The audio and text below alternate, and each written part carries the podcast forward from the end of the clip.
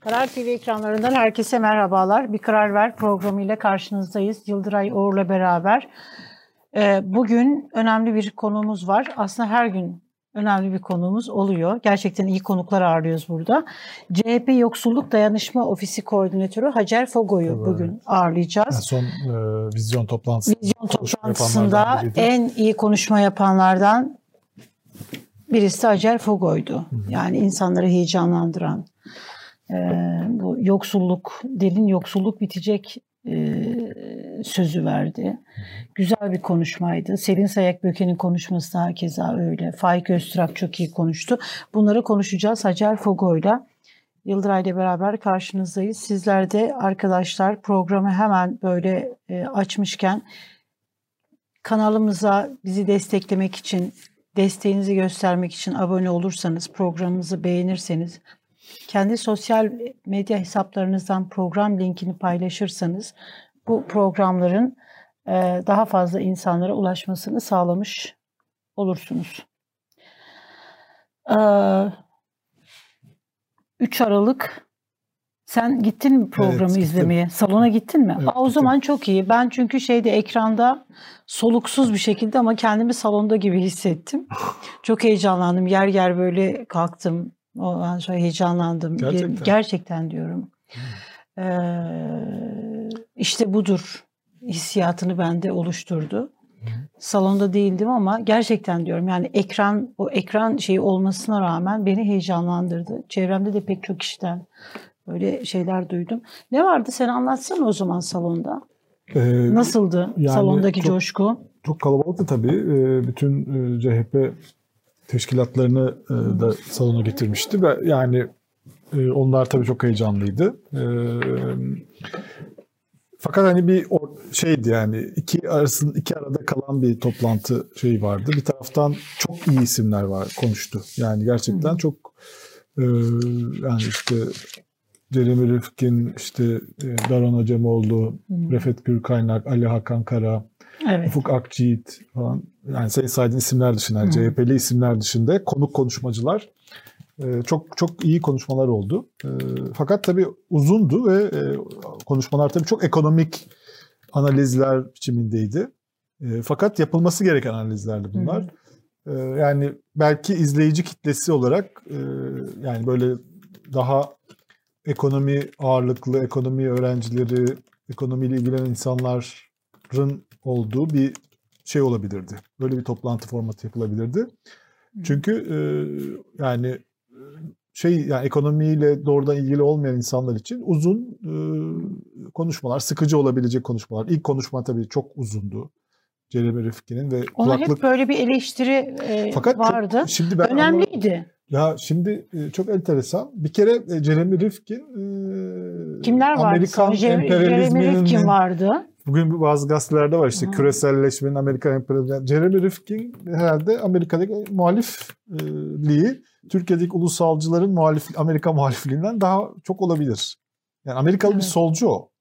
Yani hani Bernie Sanders falan gibi birinden bahsediyoruz. Yani böyle Hı fikirleri olan Evet. e, yeşil e, ekoloji ve bunun e, içinde olduğu yeni bir sosyal green e, neydi? E, green New Deal diye yeni bir Hı hı. şey var. Amerikan solunun yani Amerikan Hı hı. Demokrat Partisi içerisindeki sol kanadın yeni bir görüşü var. Onun teorisyenlerinden biri. E, yani bir genetik şeylere karşı bazı işte Evet. şeylere karşı işte yeş, küresel ısınma duyarlılığı çok olan biri. E bu konuşulmasın mı yani bunlar? Yani bir bazıları sıkılıyor diye sonuçta e, vizyon e, geleceğin vizyonu bu fikirler. Yani Evet. yeni sol vizyon da bu fikirler üzerine şu anda hem Amerika'da hem Avrupa'da inşa ediliyor. O yüzden ben bu eleştiriyi çok anlamadım. E, bir taraftan burada yani çıkıp ne diyecekler insanlar? Millet aç mı diye bağıracaktı. Millet aç evet tamam enflasyon yüksek ama vizyon dediğin şey bunu mesela yapsaydı o zaman popülizm diyeceklerdi. Popülizm yapıyor, hamaset diyeceklerdi. E şimdi bu altını dolduran e, hem konuşmacılar hem CHP'den isimler altını do- dolduran e, ekonomik e, yani sıradan izleyiciler için sıkıcı olabilecek ama e, insanlar sıkılıyor diye gerçek çözümler üzerine konuşulmasın mı? Hiç böyle slogan mı atılsın yani? Uzun uzun böyle bir şey zamandan sonra televizyon izlemiyorum. Tartışma Hı. programlarına da bakmıyorum ama 3 Aralık akşamı biraz böyle televizyon Hı. şeylerinde gezindim. Ya o kadar üzüldüm ki bu program beni ne kadar heyecanlandırdıysa yani gerçekten iyi bir şeydi. Ee, orada böyle iktidar adına da üzüldüm. İktidarı savunan isimlere baktım. İşin böyle magazin kısmı. Tabii bazı böyle CHP'ye yakın isimlerde de işin magazin böyle.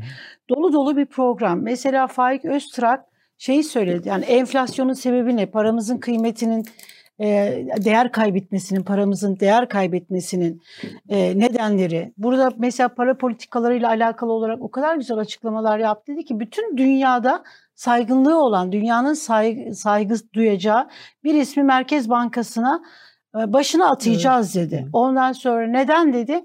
Enflasyon kalıcı olarak düştük tek haneye indirmek olacak. Merkez Bankası'nın hedefi enflasyonu kalıcı olarak düşük tek haneye indirmek oluyor. Bunu da nasıl yapacak dedi. Mesela ekonomi e, politikalarına, ekonomik gerçeklere bakacak, piyasa koşullarına bakacak. E, şey neyi gerektiriyorsa, iktisat bilimi, bilim, veriler neyi gerektiriyorsa bunu yapacak. Şimdi bu o kadar önemli bir şey ki mesela yeni bir e, Cumhurbaşkanı Erdoğan'ın şeyi vardı. E, 2023 hedefleri. Orada mesela milli gelirin artması, yoksulluğun düşmesi. Mesela 2023 bütçesini biz yeniden yapacağız dedi. E, benim böyle aldığım mesela şey sözü o kadar güzeldi ki yani benim heyecan mesela bize kral değil kural lazım. Evet. Daha ne olsun yani çünkü kurumlar çöktü, Hayır, kurallar şey, çöktü. Halk anlamaz şeyini ben ona çok Halkı bırak halk yani anlamaz. şeyden halka Hayır. Sen anlıyorsun ama halk anlamıyor. Şey Bu demek aslında halk anlamıyor. Ben anladım diyor Hı-hı. bunu söyleyenler e, ama halk anlamaz. Halkın halk işte e, yoğurt fiyatı peynir. Tamam da yani e, onların çözümü e, her dakika yoğurt fiyatı çok arttı demek değil. Evet. Yani, İhsan tamam. Aktaş'ı gördüm mesela. E, tamam onu söyledin de ne, nedir yani evet. nasıl düşecek bu? Evet. Bunları söylemeden nasıl düşecek evet. peki? Yani bu konuları konuşmadan nasıl düşecek fiyatlar? Her dakika yani tamam onu şey yap da mesela işte de, bazı birkaç kişi diyor ki Demirel işte böyle olsaydı falan. Demirel 1991 seçimlerine girerken şeffaf karakol konuşan Türkiye vaadiyle girdi yani. Evet. Halk anlıyor mu? Halkın en büyük şeyi o muydu? Enflasyondan evet. kırılıyordu insanlar. Yani halk bir defa e, almıyor arkadaşlar. E, şey yapmayın. Yani, Halka bu kadar böyle cahil, bu e, kadar anlamaz Sadece şeyi, onu hamaset yapmasını hoşlanmıyor. Sadece onun duygularına hoşlan, e, dokunulmasından da hoşlanmıyor. E, rasyonel olarak nasıl yapacaksın bu işinin de anlatılması gerekiyor. Bu da evet, onun toplantısı evet. yani. Bir de mesela şey vardı yani milleti orta gelir tuzağından kurtaracağız ya ekonomiyle ilgilenen e, ve herkes bu halk da bu toplum da e, en az Cumhurbaşkanı kadar iktisatçı, en az Cumhurbaşkanı kadar öğrendi ekonomist herkes her şeyi. ve herkes her şeyi öğrendi. Hepimiz her şeyi biliyoruz. Şimdi dediğin gibi yani hamaseti yani olmayacak bir şey söylendiği zaman olabilirliğini görüyor, olmayacağını da görüyor. Buna inanmıyor. Ne diyecek? Ama Orada toplumda şey var. ücreti iki katına çıkaracak evet. mı deseydi olacaktı yani. Şimdi toplumda şey var. Yani mesela halkta seçmen kitlesinde şöyle bir şey var. Yani muhalefet bir iş yapmıyor, heyecan uyandıracak bir şey yapmıyor. Bundan dolayı geride duruyordu. Yani iktidar çok iyi olduğu için iktidardan kopmuyor değil. Yarına ilişkin bir gelecek vadiden daha somut elle işte hani tutulur ne öneriyor? E bu 3 Aralık toplantısı da e, CHP'ye bugüne kadar ana muhalefet partisi olarak eleştiri getirenlere çok iyi bir şeydi. Şimdi burada mesela şeyi gördüm dedim ya İhsan Aktaş'ı gördüm. İhsan Aktaş Şimdi hani kamuoyu araştırmacısı ama kamuoyu araştırmacısı demeye bir şahit lazım. Yani orada oturmuş diyor ki işte boya küpüne indirip çıkartılmış gibi çok da aceleye getirmiş. Bir burun kıvırıyor bir şey yapıyor filan. Yani şeye bakın ya yani bu değil. Burada gerçekten iktidarlar gelir geçer. Dev, yani iktidarlar, siyasetçiler gelir geçer. Ama bu ülkede bir iktidar geldiği zaman senin cebine de benim cebime de sana da bana da dokunuyor bütün bunlar. Şimdi burada ne söylüyor buna bak. Yani mesela Jeremy Rifkin, Hakan Kara burada o kadar önemli isimler var ki. Daron Acemoğlu ya Daron Acemoğlu bugüne kadar 2016 yılından bu yana Türkiye'yi uyarıyor, uyarmış. Ekonomik kriz geliyor, ekonomik kriz geliyor buna hazırlıklı olun diye. Gerçek bir vatanseverlik Daron Acemoğlu'nun yaptığı. Uyardı Ama uyardı ve gele gele şimdi Kardeşim sen iktidarsın. 20 yıllık iktidarsın. Sen mesela Daron Acemoğlu'nu getirebilir misin? Getirebilir mi bir mesela vizyon belgesi işte. Sen Türkiye Yüzyılı diye bir program açıkladın. Ne açıklandı orada iktidar olarak? Ne açıklandı? Bir buraya bakalım. Mesela Erdoğan benim buradan dikkatimi çeken Yıldıray Erdoğan meydan okumuştu hatırlarsan. Ee, şeyde e, gerçek vizyon neymiş? Urfa'ya bakın Urfa'dan yer yerinden oynayacak dedi. Ne oldu? Urfa'da nasıl bir fotoğraf ortaya çıktı? İstanbul'da CHP'nin şeyinde nasıl bir fotoğraf ortaya çıktı? Bir tarafa bakıyorsun Hakan Kara var, Daron Acemoğlu var, Jeremy Rifkin var. Hani yabancı danışman e, şeyi söyleniyor da Hacer Fogo var. Yani e, Refet Gürkaynak var. Bunların hepsi saygın isimler. Bir taraf bunları konuşturuyor. Öbür taraf da almış İbrahim Tatlıses'i karşısına işte e, İbrahim Tatlıses'i şarkı söylettiriyor işte bunu Tatlıses'i alkışlıyor. övüyor. Onu övüyor. Ondan sonra hamasetse Urfa'da vardı hamaset. Ne yaptınız? Aslında Urfa'da ortaya çıkan iktidar ve muhalefet açısından ikti- ortaya çıkan fotoğraf şuydu. Bir taraf diyor ki biz artık Türkiye'ye bir şey vaat edemiyoruz. Biz tükendik, bittik. Bizim bir gelecek şeyimiz yok. Öbür tarafta diyor ki burada bir gelecek var, yapacak işlerimiz var. İktidar yorgunluğu. Bunun fotoğrafıydı 3 Aralık. Yani önemli bir şeydi diye düşünüyorum ben. Yani eee, Kemal Kılıçdaroğlu'nun konuşması çok güzeldi. Altılı masaya yaptığı övgü. Evet, övgüler çok Evet, centilmenceydi. Çok centilmence. Ve orada hani biz altı lider e, Kemal Kılıçdaroğlu da beni böyle yerinden oynatan şey. ona Birleşe birleşe büyüyeceğiz dedi ya. Birleşe birleşe büyü- Evet çok önemli. Keşke onlar da altılı masadaki diğer isimler de, diğer liderli parti liderleri de e, Kemal Bey kadar centilmen olup e, onlar da böyle Kemal Bey'le alakalı iyi bir şeyler söyler hani söyleyebilse dilleri varsa iyi bir şeyler söyleyebilseler centilmenlik nezaket gösterseler ve bunda da böyle çok cimri davranmasalar. Yani Kemal Bey bu bağlamda yani doğruya doğru. Hani eleştirdiğimiz de oluyor Kemal Bey burada. Eleştiriyoruz da işte. Ben hani- böyle adaylık e, meselesinde sanki e, bir şey yapıyormuş gibi herhalde düşünüyorlar. E, Ona jest yaptıklarında ama sonuçta beraber hareket ettikleri e, altı e, işte partiden en büyüğünün genel başkanı yani ana muhalefet lideri. O onlara jest yaptığında onlar da ona karşılık verebilirler. Bundan çekinecek bir şey yok. Bu kadar- siyaset de böyleydi. Evet. Mesela hani başörtüsü hamlesi böyleydi. Hani orada Bunlar Türkiye'yi normalleştirecek Evet. şeyler yani çok hoş tabii onlar herkese özel olarak bir şey yapmış cümleler de düşünerek yapmış Evet. çok hoş da konuşması. Onun Ya şey. bu partizanlık falan da Bir de değil. bu CHP'nin, yani e, birleşe birleşe şey- büyüyeceğiz dedi. Arkadaşlarımız şey, dedi. yani Hepsi iyi isim dedi. Taha Bey de yazmıştı. Ee, CHP'nin esas bence bu toplantıdan çıkan sonuç CHP e, yani böyle altı oktan devletçilik okulunu e, kendine rehber edilmiş e, bir parti olmaktan daha liberal ama Evet. işte sosyal liberal diyebileceğimiz yani sosyal politikaları da gözeten ama ser- serbest piyasa sistemine göre çözümler üreten bir parti oluyor. Bu da merkez bir parti oluyor böylece. E, bu da çok önemli yani. Bu bence bu toplantının esas e, şeyi, önemi. Yani seçilen isimlere de bakıldığında böyle sol liberal diyebileceğimiz, sosyal liberal diyebileceğimiz ama ser- serbest piyasa Hı hı. sistemi içerisinde ekonomi e, yönetimini e, kurmaya çalışan ve çözümler üreten bir e, parti yani CHP oluyor. Bu da Türkiye açısından önemli yani bakıldığı zaman en ilginç kısmı bu. Ama tabii bu dışarıdan bakanlar yani şimdi şöyle bir ek- şey de var, eşitsizlik var. Şimdi iktidarın medyası var. Bunu tabii orada hiçbir şey eleştirmek yo- yok. Yani herhangi bir şey eleştiremezsin. Serbest değil orada hiçbir şey eleştirmek. Onlar da muhalefeti eleştirmekse serbest. Orada fikir özgürlüğü var. Yani orada Norveç standartları var. Ee, şeyde ise Türkmenistan standartları var. İktidarı eleştirmede Neyse. Türkmenistan standartları var. Muhalefette ise her konuda e, Norveç standardı var. Hatta iktidarı eleştirmekte biraz daha hani korkarak çünkü yani ağzının hani şeyi yok yani yanlış bir şey söylerse başına bela açarsın. Orada hani keşke böyle olmasa Cumhurbaşkanı'nın danışmanı hani öyle eleştiriler var. Yani Erdoğan'ı biraz böyle dışarıda tutan hani bakanlara daha yüklenen eleştiriler Abdülhamit var. dönemi geliyor. Ama muhalefetin muhalefeti eleştirmesi yine Norveç standartlarında. Orada da özgürlük var. Tamam olsun çok iyi bir şey. Fakat e, yani her şeyi de hani yok bilmem o niye gelmedi, o bilmem nereden bağlandı, o işte şey yaptı. Ya Bu evet kadar- ya. Ya nedir yani bu saçmalık İktidar- şeyde de- artık yani eleştiriler. bu vardı. E, diyor ki Daron Acemoğlu işte şeyle bağlandı. Ya bula bula bunu mu buldunuz? E, Daron tamam, Acemoğlu. Yani gelmedi. Dinledik işte onu yani günün sonunda. Yani anlattı canlı olarak e, bant kaydı değildi yani. Kitaplarındaki tezlerini e, canlı olarak izleme fırsatı yani canlı Türkiye Can- Daran Acemoğlu konferansı izlemiş oldu yani. Gayet güzel oldu bu. Kötü Bir de şeyle beraber bu pandemiyle beraber böyle bir şey de oluştu yani E, e, neredeyse 3 yıl olacak yani. E, e, Evet, iki başka bir zamanda. de yani orada organizasyon olarak bir sorun ola- olabilir ama yani buradaki Bu mesaj gerçekten şey. Bir de bu şeyler var tabii.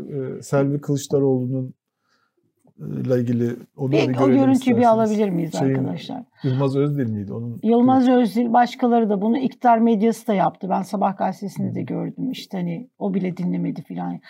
Ayıptır kardeşim ya. Gerçekten ayıptır yani bu. Evet, hasta Böyle olduğu şey. da şey oldu. açıklandı. Yani e, 30 yaşında değil Selvi Hanım. evet. 30 yaşında bile Bir de olsa burada İngilizce ilk baştaki e, şey. konuşma İngilizce olarak yapılıyor ve herkese kulaklık vermemişler. organizasyonda aksaklıklar Evet, olabilir. orada sıkılmış olabilir, Evet. e, hasta olabilir. Bir de serum taktırmış, Evet, hastaymış. yani olmayabilir de sıkılmış Ve olabilir, gözü bir kapanmış olabilir. Eşinin yanında olmak istemiş ve bütün buna rağmen heyecan duymuş ve oraya kadar gelmiş. Yani bu uyuma üzerinden, şey üzerinden bir dönem hatırlarsan şey de yapılmıştı bu. Ee, Atilla, Atilla e, Kültür Bakanımız eski, Ee, şey, e, Ah, eski şu bakan da vardı ya onun babası. evet, Aa evet. benim isim hafızam. Ben gerçekten böyle gidiyorum artık. Yıldıray beni kurtar bu Atilla durumda. Koç. Atilla Koç evet. Atilla Koç'un da Evet. ben o zamanlar Tempo dergisinde yazıyordum. O dönem böyle gittiği yerde bir böyle uyukluyordu. O dönemin mesela Hürriyet gazetesi, o dönemin işte Sabah gazetesi, Vatanı, Onu yazıyorlar. Ay- Atilla Koç'la dalga geçiyorlardı. Yani Hürriyet az buz haber yapmadı hani bu, bu şeyler üzerinden.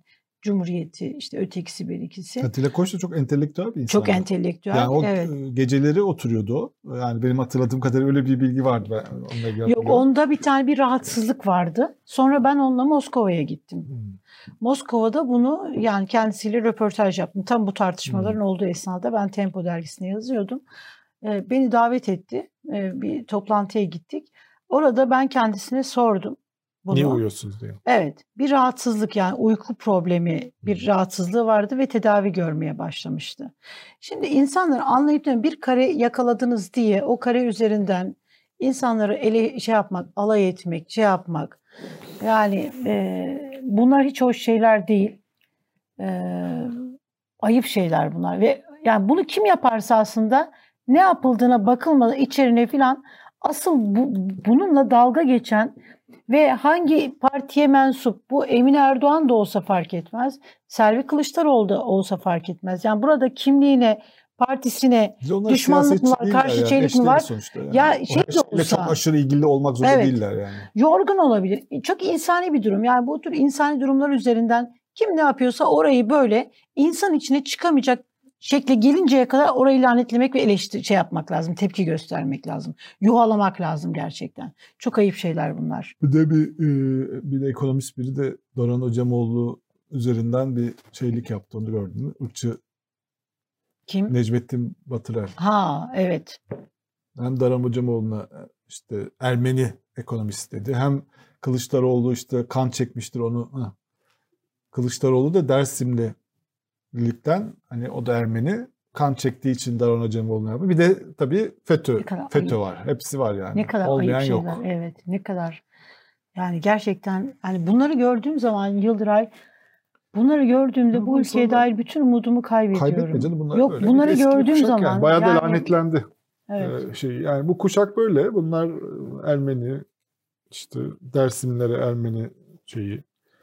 İşte bir de FETÖ eklendi buna. Bu kuşak bu kafa böyle bir kafa yani. Ya çok üzücü bir şey hafta sonu yaşandı. Yani üzücü değil de korkunç bence bir olay. Ee, bu BİM tartışması. Ay evet ya. Ee, Ki, var mı bizde o Kürşat Yılmaz'ın tweetleri falan onlar? Bir bakalım yokmuş arkadaşlarda.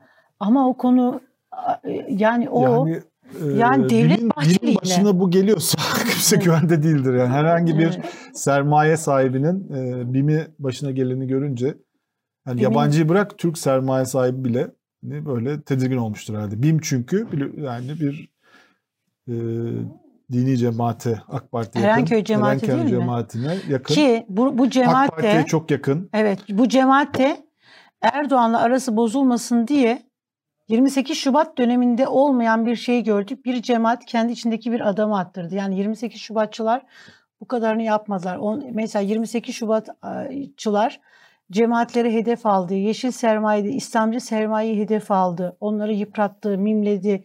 Ama onların içerisinden sevdiği yani sevmediği, hoşnut olmadığı insanları attırma, cemaatten adam attırma gibi bir şeyler akla gelmemişti. Hadi yapamadı, yapamazlardı. Yapamazlardı zaten. da. Olmazdı.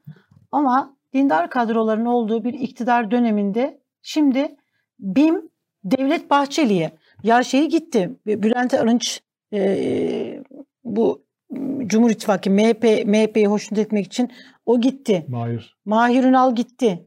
Numan Kurtulmuş pasifize edildi. Ondan sonra e, bütün herkes böyle hani bir şey oldu.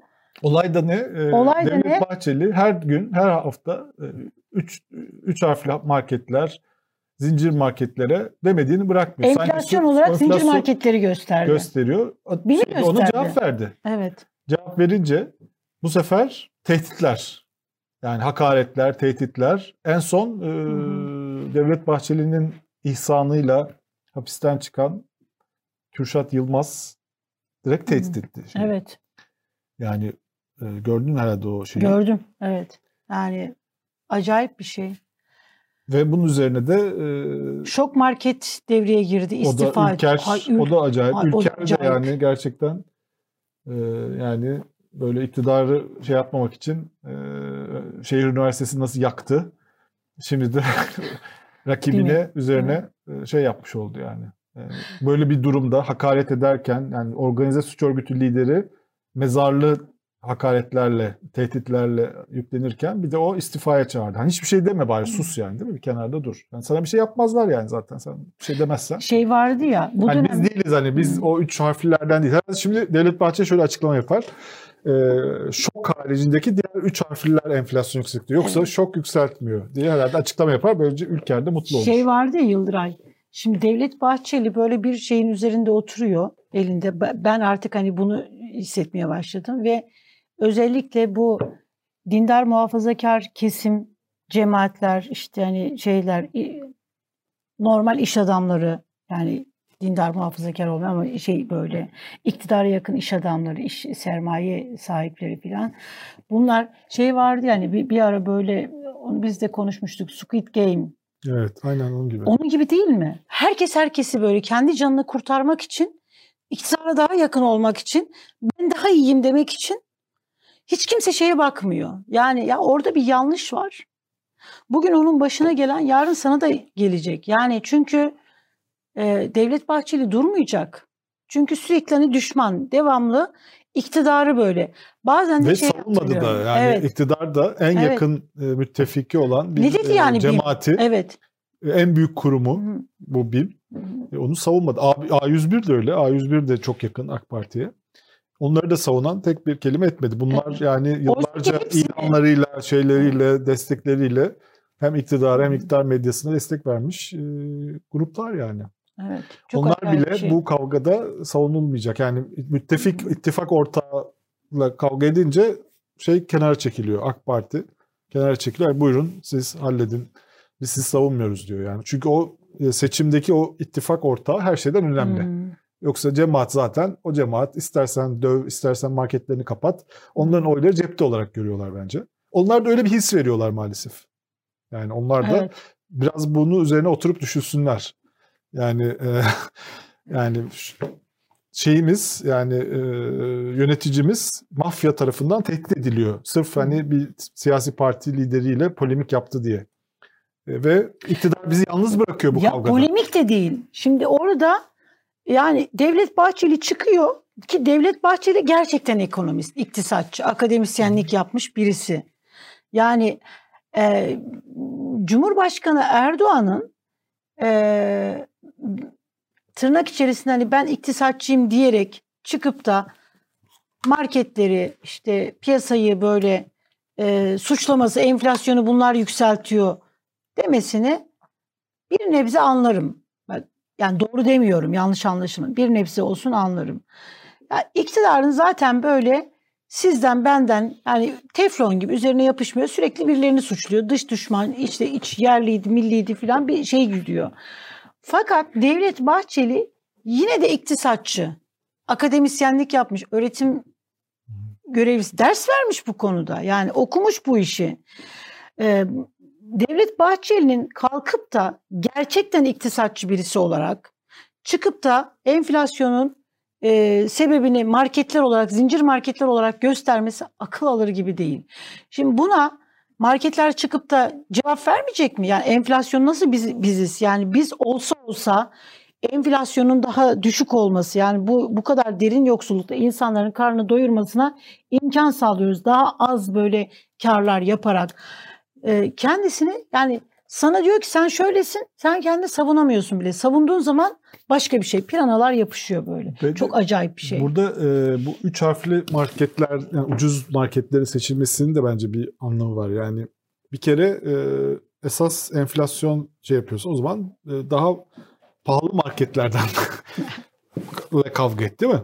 Yani Migros'la mesela kavga et. Onda niye demiyorsun? Çünkü Koç grubunun onlar. Onlarla onlara dişin herhalde kesmiyor Geçmiyor. onları. Ee, üç harflere niye? Üç harfli marketlere niye şey yapıyorlar? Ucuz marketlere. Çünkü e, e, enflasyondan en çok yoksul insanlar etkileniyorlar. E, doğrudan onların alışveriş yapabildiği tek yer bu marketler. E, sanki enflasyonu yani o insanlarla e, o marketleri karşı karşıya getirerek sorumluluğu o marketlere atmaya çalışıyorlar. Halbuki o marketler olmasa o marketler çünkü kendi tedarik ağlarını e, kurmuş durumdalar. Kendileri üretimler yaptırıyorlar. Oraya yani gidip doğrudan bir yerlerde üretimler yaptırıp ucuza mal ediyorlar. Yani ucuz ürünler üretiyorlar yani e, halka satabilmek için. E, yine böyle yiyecek maddelerini doğrudan e, şeylerden alıyorlar ve e, bütün piyasanın altında satıyorlar. İnsanlar da oralardan alışveriş yapabiliyor. O kadar tehlikeli bir şey yapıyorlar ki şu anda. İnsanların çok büyük bir kalabalığın yani bu sadece yoksul semtler değil. Mesela ben e, Etiler'de oturuyorum. Etiler'de e, bu marketlerde insanlar yine alışveriş yapıyorlar. Yani çünkü Etiler dediğin zaman her yerde çok zengin insanlar yaşadığı bir yer demek değil yani. Emekliler, bir sürü insan yaşadığı bir yerden bahsediyoruz. E, bu marketler tıklım tıklım dolu. Evet. E, insanlar buralarda alışveriş yapıyorlar e, sen bu marketleri de öldürürsen büyük bir sorun olur yani. Büyük bir sorun olur. Yani öyle Venezuela falan gideriz demek istemiyorum da hani insanlar hiç alışveriş yapacak bir yer bulamazlar. Şimdi AK Parti'nin içerisinde bir de şey var ya hani hedef Erdoğan diyen böyle siyasetçiler var, yazarlar var, medya şeyleri var. Ya ben olsam mesela hani burada tam yeri ve zamanı arkadaşlar. Şimdi BİM neresi? BİM gerçekten cemaat o Erenköy cemaati. Burası nereye yakın? Erdoğan'a yakın. Yani senin burayı, burayı Devlet Bahçeli'nin bunu burayı kurban olarak seçip bunun kellesini almak eğer siz böyle hani bir Erdoğan yalnızlaştırma operasyonları falan diyorsanız alın size Erdoğan'ı yalnızlaştırma operasyonu. Alın size hedef Erdoğan diyebileceğiniz. E, yani burada çıkın hedef BİM değil hedef Erdoğan. Yani Erdoğan çünkü sen oraya şey yaptığın zaman bir, bir yerden daha böyle yani bir oy iki oy derken sen koskoca bir cemaatin yani bu tür hesaplar yapılıyor ya bu tür hesapları yapanlar çok gerçekten e, e, bir izleyicimiz demiş ki tarım kredi kooperatif marketlerini de biliyoruz. Onu kim yükseltiyor? Oralar devletin değil mi? Evet. Ee, Migros da bu arada Anadolu grubuna geçmiş. TOK ortaklarındanmış birisi. Bunu da bilmiyorduk. Ben bilmiyordum. Sen biliyor muydun Yıldıray? Çoğunluk hissesi Koç'un değil mi? Ha, bilmiyorum ki. Bilmiyorum ben. Bir izleyicimiz ettim. demiş ki BİM ve A101 olmasaydı son bir yılı çok zor geçirirdik. Evet. Aynen öyle. Ama işte o yüzden onlar uğraşıyor. Bahçeli buraları şey yaparak Erdoğan'ı daha da böyle zora sokma herhalde. Hani bir AK Parti'nin içerisinde bir şey grupta var ya. Devlet Bahçeli alacak Erdoğan'ı böyle duvara toslatacak hani çökertecek falan diyen. e, onların o böyle komplo teorisini güçlendiren bir şey olarak Yani kimse garantide değil yani bu sistemde kimse garantide değil. İstersen Evet. e, yani açık çek e, şey yap destek ver iktidara e, cemaat olarak destek ver. Senin de marketinde her şeyinde tehlikede yani. Her an tehdit edilebilirsin. AK Parti'deki siyasetçinin de milletvekilinin, bakanın, Hiç kimsenin Süleyman Soylu'nun dışındaki bakanlardan hiç kimsenin bir garantisi yok. Neden? O da iyi iyi biliyor ve Bahçeli ile iyi geçiniyor herhalde. Soylu'nun dışında hiç kimsenin bir garantisi yok. Yani o konuda Soylu daha siyaset bilen, biliyor yani şey yapıyor. Yıldıray istersen. Evet. ee, gel. Bu arada İran'da e, Mahsa Amini 16 Eylül'de hayatını kaybetmişti. Bir devrim e, gerçekleşti. İran'da e, 43 yıl sonra bir dönüm noktası daha yaşandı. Karar Gazetesi'nin manşetinde e, ahlak polisi lağvediliyor. Keşke Mahsa Amini hayatta olsaydı. İşte böyledir. Yani e, despotluk, işte ahlak polisi dersin, bir şey dersin. Keşke bir can yani Mahsa Amini hayatta olsaydı. Ama bu bir başarı mı? Kadınların başarısı, demokrasinin başarısı. E, ekranlarını yeni açanlar için CHP Yoksulluk Dayanışma Ofisi Koordinatörü Hacer Fogo bizlerle birlikte. Hoş geldiniz. Hoş bulduk. Çok Nasılsınız? İyiyim siz. Ben de iyiyim. Ee, ben sizin konuşmanızı dinlerken programa salona gelemedim ama televizyonun karşısında böyle soluksuz bir şekilde o gün dinledim. Biraz böyle muhalefet konusunda çok umut var değilim böyle hani ya olmuyor hani bir heyecan uyandıran bir şey olmuyor ama e, Şimdi heyecanlı mısınız? Vallahi heyecanlandım. Böyle Kemal Bey'in birleşe birleşe büyüyeceğiz. İşte Faik Öztürk'ın konuşmasını gördüğüm zaman, dinlediğimde o Daran Acemoğlu'nu dinlerken yerimde duramadım. Hele böyle hani sizin ve şeyde de çok böyle dedim ki ya çok insani bir şey. Şuraya not aldım. Siz dediniz ya eee, ben CHP iktidarında hiçbir çocuk yatağa aç girmeyecek. Bu çok böyle çünkü Evet. çocuk yoksulluğunda da artık Türkiye hep böyle O genel Çok- başkanımızın bir sözü. Ben de siz gerçekten o dediniz sözün... ki bu Evet. sözün büyüsü ve gerçeğiyle hiçbir çocuğu arkada bırakmayan sistemi inşa ederken ben şimdi işte sizin bu sözünüz bir taş bir çakıl koymak için buradayım dediniz. Evet. Bu o kadar kıymetli, o kadar bir de böyle Çok hani ben buradayım diyen bir söz. Ee, ben de hani sizin bu böyle özgüvenli ayakları yere basan hani ben buradayım diyen o sözünüz beni çok etkiledi. Güzel bir konuşmaydı. Çok teşekkür ederim. Bu Sizin umut nasıl- verdiğiniz için teşekkür Sizin ederim. için nasıl geçti toplantı? Benim için de çok umutluydu. Aslında çocuklar için de yoksullar için de bence umutlu bir toplantıydı. Ve gerçekten o toplantıdan çıktıktan sonra da mahallelerden de insanlar aradı. Ee, gerçekten bu sorunu birebir yaşayan, derin yoksulluk yaşayan, açlıkla mücadele eden anneler, babaların da Evet. e, dinlemesi ve umutlanması hepimizi umutlandırdı aslında. Ama sadece umut değil artık hani e, bütün bunlar aslında o söylediklerimizin hepsinin gerçekleşeceği bir döneme girdik. Evet. Ben Hacı Hanım sizi şeyden biliyorum. Sulu Kule'deki e, mücadelenizden diyelim. Orada bayağı mücadele ettiniz. Oranın Evet. yıkılmaması ve oradaki hayatın devam etmesi. Biraz anlatabilir misiniz? Yani sizin hikayenizi de bilmeyenler Evet. için konuşmuş oluruz. Şöyle ben uzun dönem gazetecilik yaptım. Evet. E, 90'larda 15 yani 15-16 yıl. Nerelerdeydiniz? Gazetecilik yaparken de sol basında. Yani. Solda. Evet. Ee, işte Evrensel Gazetesi, Öküz Dergisi, 2000'e doğru e, Söz Dergisi o dönemde çıkan ama yaptığım haberler de gerçekten insan hakları haberleriydi. İşte işçi sendika muhabirliği yaptım e, uzun süre. Madenci yürüyüşü vardır o Evet, büyük meşhur. yürüyüş. Evet. Orada 30 gün. Onu izlediniz 30 gün. Tabii tabii 30 gün boyunca hem de ailelerle ailelerin evlerinde de kalarak izledim. Ve orada da zaten o derin yoksulluğu gördüm. Ama e, Sulu Kule'de kentsel dönüşüm başladığı zaman bir hocamız Semra Somersan orada Evet. araştırma yapıyordu kadınlarla ilgili. Ben de böyle gazetede okuyordum işte böyle şey çıkacak e, işte kentsel dönüşüm başlayacak diye ve merak ettim. Ben, ben de gelmek istiyorum sizinle bir gün diye. Ve orada Şükrü'nün kahvesinde buluştuk insanlarla ve insanlar hani kentsel dönüşüm nedir? ne olacak, başımıza ne gelecek bilmiyorlar. Çünkü diyorlar ki işte biz gidip geliyoruz ama belediye bize e, tam net olarak, şeffaf olarak bir şey anlatmıyor.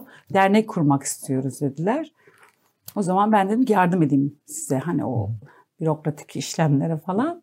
İşte tüzüğünü falan birlikte yazdık. Ben içerisinde yer almadım. Dernek kuruldu. Dernek kurulduğu zaman daha işte e, gidip belediyeden daha net bilgiler almaya başladılar.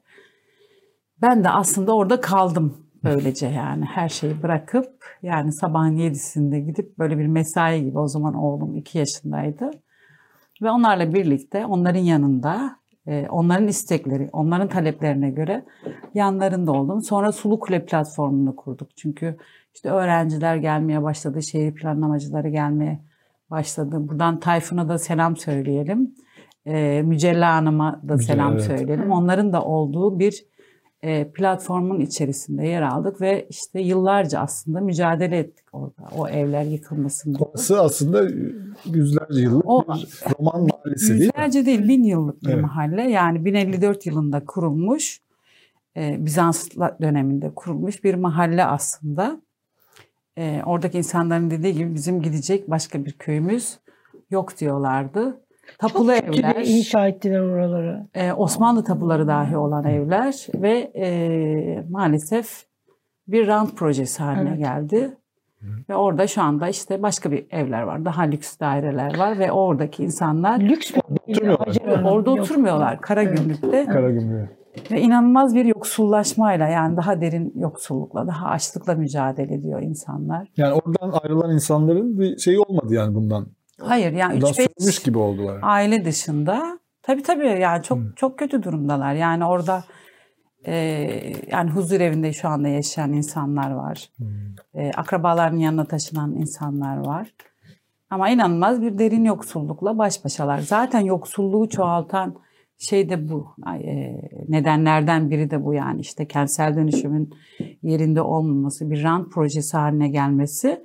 Yani işte Sulu Kule'de başlayıp bugün maalesef Türkiye'nin her yanında e, kentsel dönüşüm altında ransal bölüşüm var. Evet. Yani bugün toz koparan mahallesi. Evet, orada Mesela tapulu e, evlerde ama bu son çıkan yasa afet dönüşüm yasasına eklenen e, 2019'daki mesela 6A maddesiyle birlikte oradaki insanlara işte bir gece e, mesaj gönderdiler ve sizin tapulu evleriniz hazineye devredilmiş gibi elektrikleri kesildi biliyorsunuz insanların hem Tokatköy'de hem orada E, ve aslında insan haklarına aykırı bir durum. Bu yasanın kendisi de bence değişmeli diye düşünüyorum yani o. Bu deprem için çıkarılmış bir şey. Tabii tabii ama Fakat bir taraftan da Bir çözümü yanlış bir çözüm herhalde. yanlış çünkü Fethiye'de insanlar, işte Tokatköy'de insanlar, toz koparanlı insanlar aylarca elektriksiz, susuz yaşadılar. Yani böyle bir şey olabilir mi? Siz risk altında insanları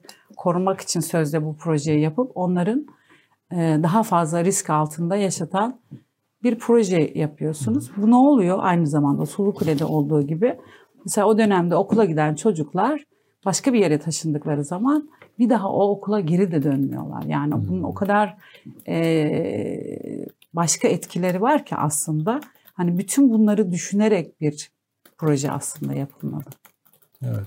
Sonra siz devam ettiniz bu derin yoksulluk meselesini. Derin yoksulluktan tam hani hiç duymayanlar için siz tam ne kastediyorsunuz onu anlatabilir misiniz? Yani bana? şöyle e, bir kere yoksulluğa sadece gelir üzerinden bakmamak gerekiyor.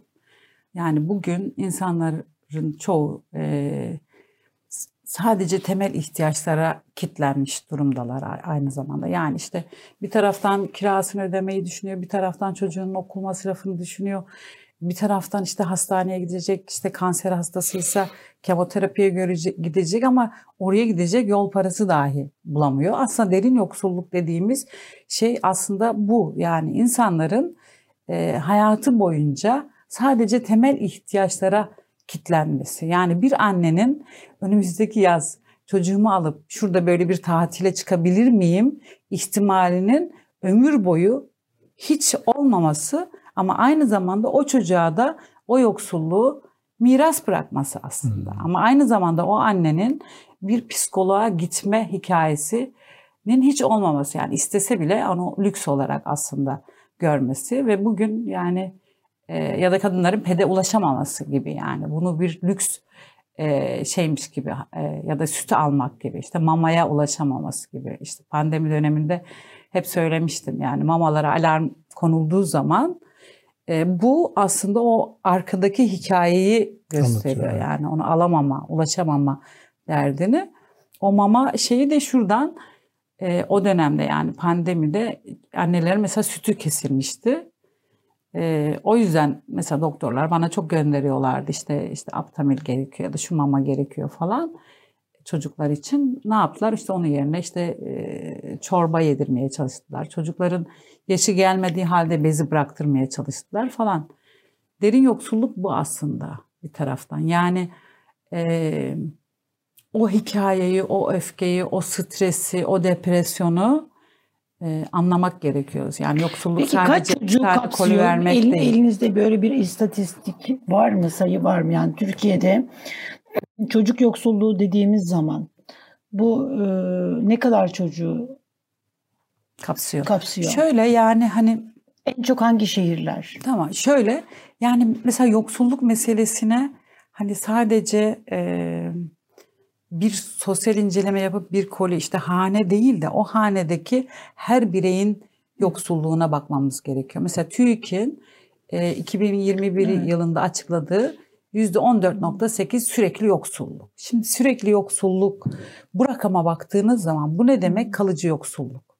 Bu ne demek? Orada yaşayan çocukların e, annelerinden babalarından o devredilen mirası alması demek. Çünkü kuşaklar arası yoksulluk demek aynı zamanda. Şu an Türkiye'nin seviyesi Müda- nedir? müdahale e, Kalıcı zaman. yoksulluğa doğru adım adım gidiyor muyuz yoksa İşte kalıcı zaten hani TÜİK'in mi? rakamı bu resmi rakam Hı. yani yüzde 14.8 ama aynı zamanda yine Dünya Gıda Örgütü'nün yaptığı bir açıklama vardı. Sadece gıdaya erişemeyen insan sayısı yüzde 14.8 diye açlık haritasında bunu sonradan kaldırsalar da Evet. e, durum bu yani. Hani insanlar şu anda gıdaya erişemeyen rakam ama 14 milyonun üzerinde, 15-20 milyonun üzerinde hani bu temel ihtiyaçlara erişemeyen insanlar var ama aynı zamanda bugün bizim şunu da konuşmamız gerekiyor. Çalışan yoksulluğunu yani siz asgari e, ücretle çalışan birisiniz ama siz aynı zamanda gıdaya da erişemiyorsunuz. Kira, kirayı da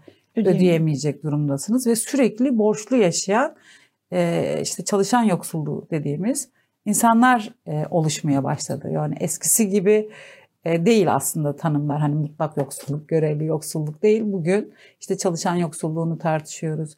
Çocuk yoksulluğunu e, tartışıyoruz. Yaşlı yoksulluğunu tartışıyoruz. Emekli yoksulluğunu tartışıyoruz. Yani emekli aileler artık işte çocuklarının yanına taşınmaya başladı. Çünkü gece kondu mahallelerinde bile eskiden 1000 lira, 1500 lira olan evler bugün 5000 lira. Yani mümkün değil insanların e, ayakta kalması.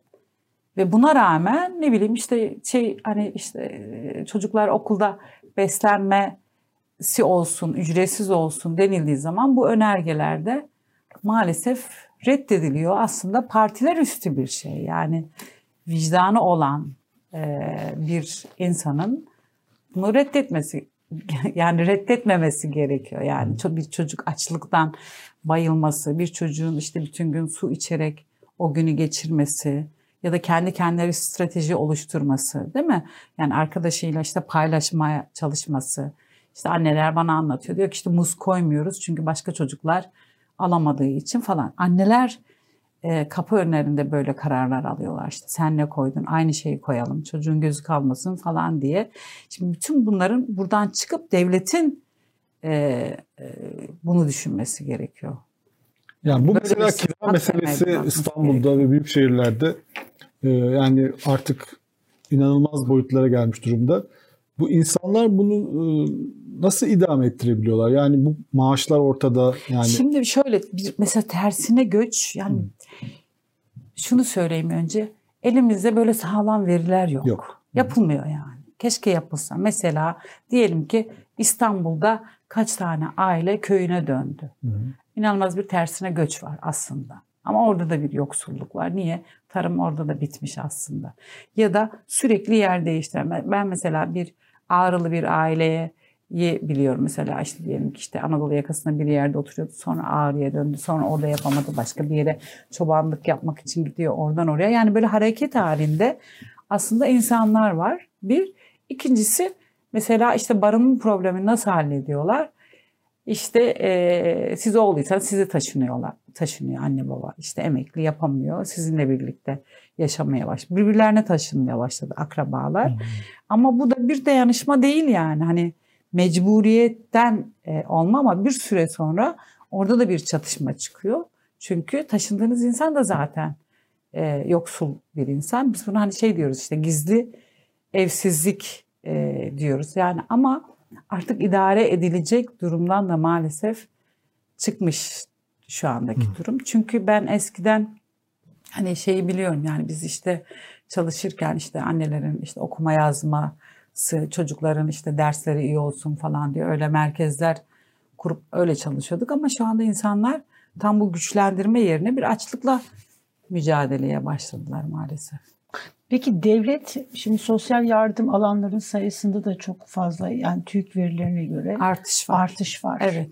Yani bunu Bakan Nevat de söyledi ama bunu böyle gurur duyarak söyledi. Yani evet, bizim işte, dönemimizde şu kadar insana yardım yapıyoruz filan diye. Bu övünülecek bir şey değil ama Değil yani bu aslında övündü. yoksulluğu arttı. Evet arttı. Evet. Bu devletten mesela devletin verdiği ya da iktidarın verdiği valiler işte kaymakamlar ile verilen yardımlar, sosyal yardımlar.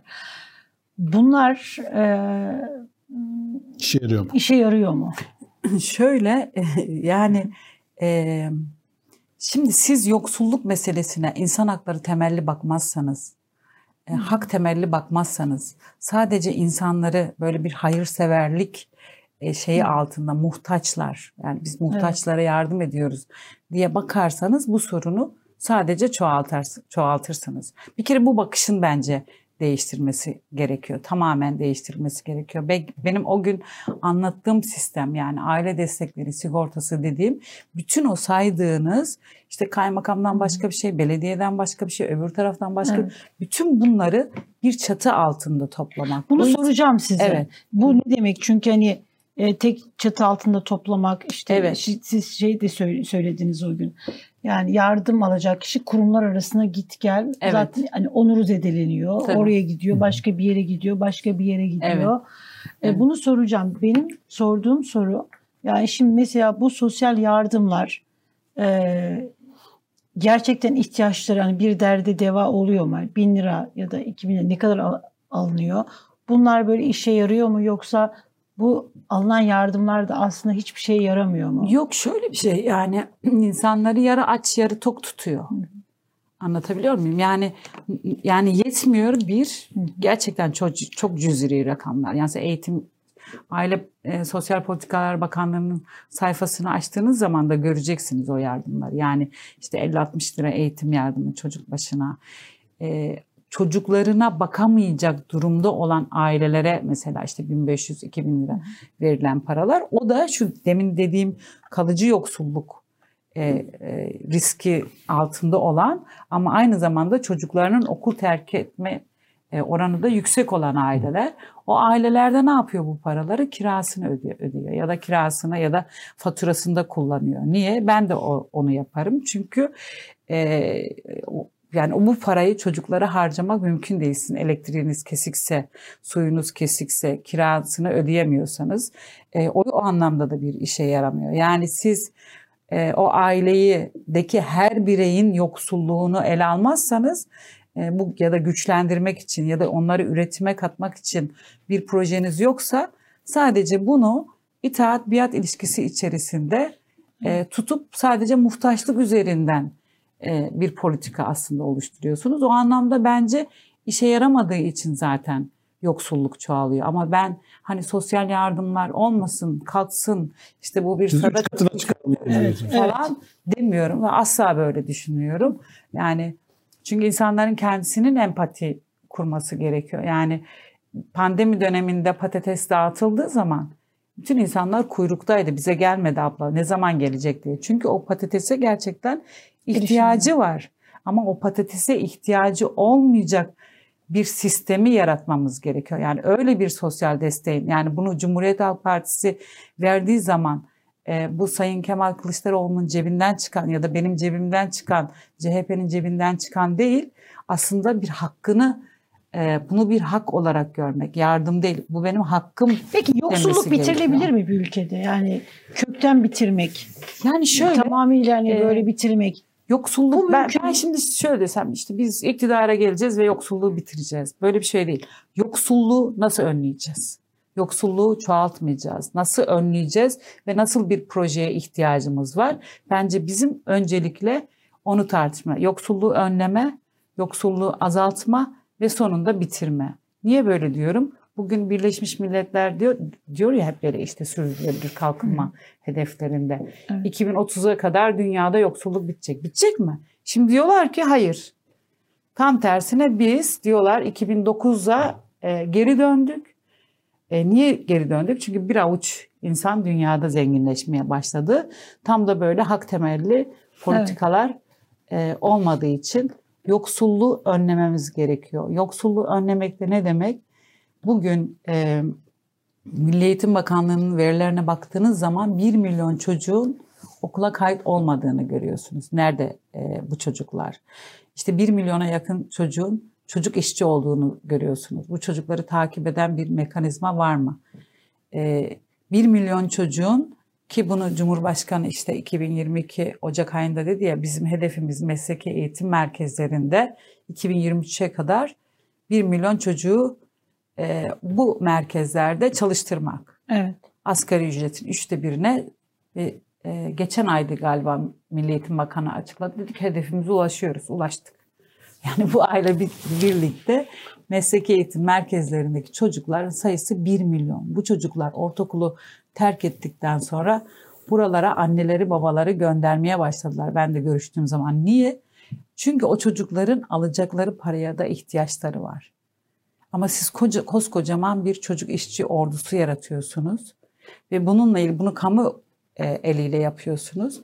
Ve bununla ilgili de e, işte bir takım iş adamlarıyla o boşluğu doldurmak için o işsizlik şeyini dolduruyorsunuz yani.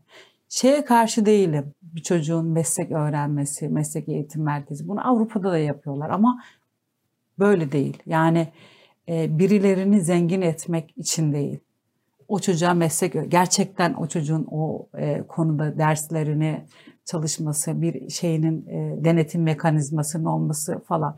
Ama bugün işte iki hafta önce Narenciye fabrikasında ölen çocuğu konuştuk 14 yaşındaki gece saat 10'da değil mi elbisesi takıldığı için makineye ölen e, Dicle Nur'u konuşuyoruz yani ve Dicle Nur gibi milyonlarca çocuk var. Yani, Yani- yoksulluk böyle çoğalıyor. Ucuz iş gücü olarak çocukları Evet. kullan, kullanılıyor. Maalesef. Meslek eğitim Nasıl önlenebilir? Mesela hani bu konudaki yol haritanız nedir? Yani yoksulluğun önlenmesi konusunda bir iktidar ya da bir devlet ne yap ne yapması lazım? Hangi politikalar? Yani en önemli şey yani yine dünyada da yapılan tartışmalar, dünyada da yapılan araştırmalar en önemli şeyin erken çocukluk eğitimi. Yani erken çocukluk eğitimi aynı zamanda o yoksulluk döngüsünü de o yoksulluğun miras almamasını da ortadan kaldıran şeyler. Birincisi gerçekten bizim o 0-3 yaşından başlayarak işte bu mahallelerde ücretsiz kreşler yani o kadını rahatlatan, o anneyi rahatlatan ve o anneyi de aynı zamanda üretime katan bir durum. Yani onu oraya verdikten sonra zaten kendisi işte kendisini geliştirebilecek bir e, duruma gelecek. İşte aile destekleri sigortası da tam e, bu amaçla e, kurulacak söylediğim gibi.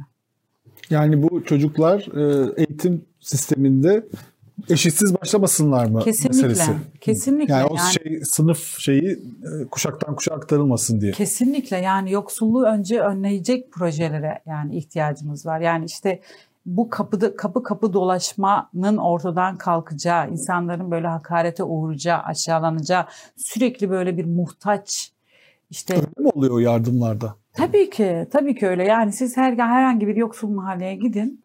İşte diyelim ki yardımı kesildi. Diyor ki yardımım kesildi abla. Peki diyorum sordun mu yani neden kesmişler yardımını? İşte arıyorum cevap vermiyor. Gidiyorum niye buraya geldin diyorlar falan. Böyle hakarete uğrayan, aşağılanan bir toplum. Onlar ve biz varız. Bu, bu, bu, bu bir kere zaten e, yani bir yoksulluk aslında bir kimlik gibi. Yani sizin gittiğiniz kafeye giremeyen, öyle değil mi? Sizin gittiğiniz sinemaya e, erişemeyen, sizin gittiğiniz tatilde rastlamadığınız insanlar. Bu insanlar görünmüyor aslında. O yüzden aslında bir kere görünür olmaları gerekiyor. Bir kere ne yaşadıklarını hepimizin bilmesi gerekiyor. İşte e, bütün yani ziyaret ettiğim her evde gelişim bozukluğu olan çocuk var. Yani bunu bakanlık da aslında itiraz edemez. E, Hacettepe Üniversitesi'nin yaptığı araştırmalarda da işte bodurluk oranını görüyorsunuz yüzde altılara çıkmış. Doğu Güneydoğu Anadolu'da bu oran Bodurluk mesela. oranı. Bodurluk. Tabii Yani Çok e, kötü gelişim bozukluğu olan evet yetersiz beslenme nedeniyle gelişim Kaç? bozukluğu. Yüzde altı? Yani Tabii tabii yüzde çocukların altı. yüzde altısı da Tabii böyle- Doğu Güneydoğu Anadolu'da Türkiye genelinde yüzde iki yüzde üç civarında. Bu 2019 araştırması.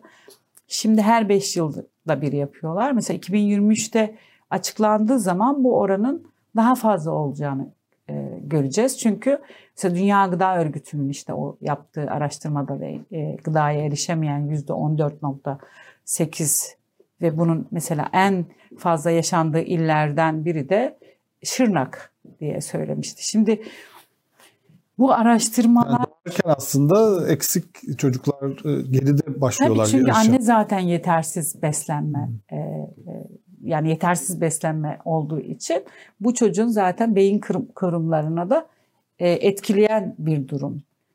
Sonrasında işte okula başladığı zaman öğretmeniyle görüşmeye başladığı zaman e, o çocuktaki o durumu zaten fark ediliyor. İşte rehberlik araştırma merkezine gidiyor. Sonra bu çocuklara raporlar veriyor. E, öğrenme güçlüğü var diye.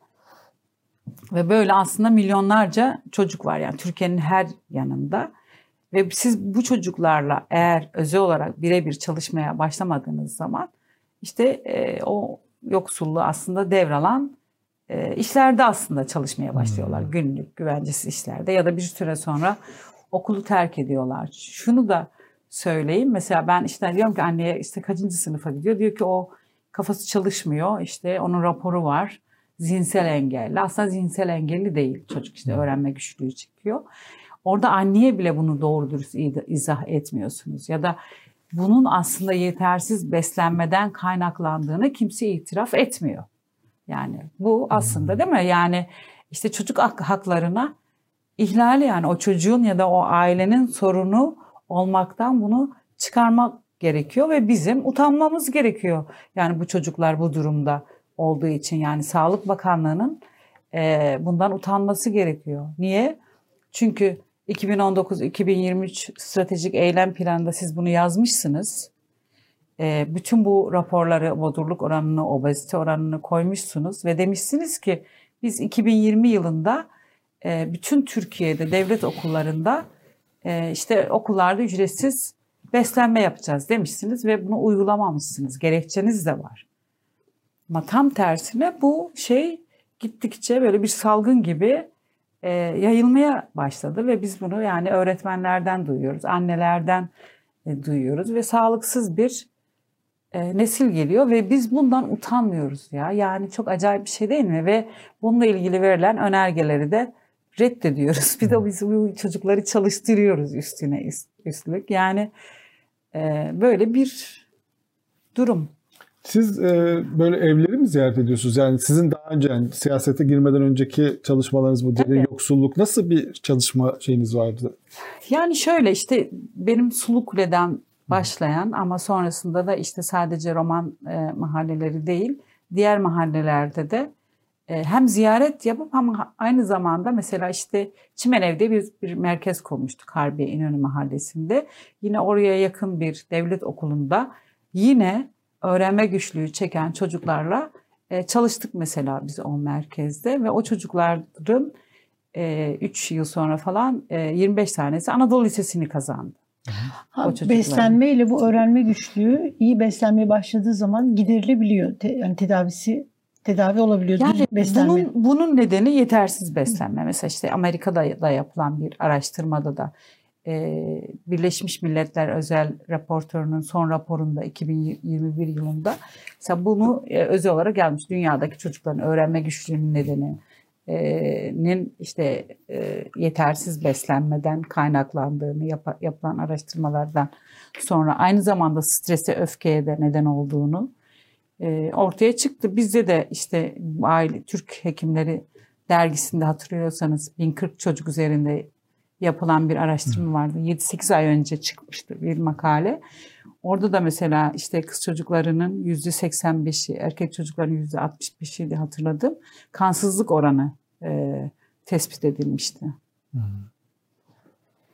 Yani siz e, bu e, semtleri ziyaret ediyordunuz. Onlara yardım için çeşitli yollar, Tabii, toplu faaliyetleri. Şimdi öncesinde evet bunları yapıyorduk ama Hı. biz genellikle hani işte okuma yazma kursları, e, işte kadınlara mesleki kurslar, yönlendirme ama, ama aynı zamanda şu hani ben e, mesela diyelim ki işte bir annenin işte diyelim ki sosyal ekonomik destek, o SED yardımı mesela kesildiği zaman alıp ben anneyi işte biz birlikte o ona e, şeffaf olarak açıklanmadığı zaman benim birlikte gidiyordum ben yani niye kestiniz bu yardımı falan diye.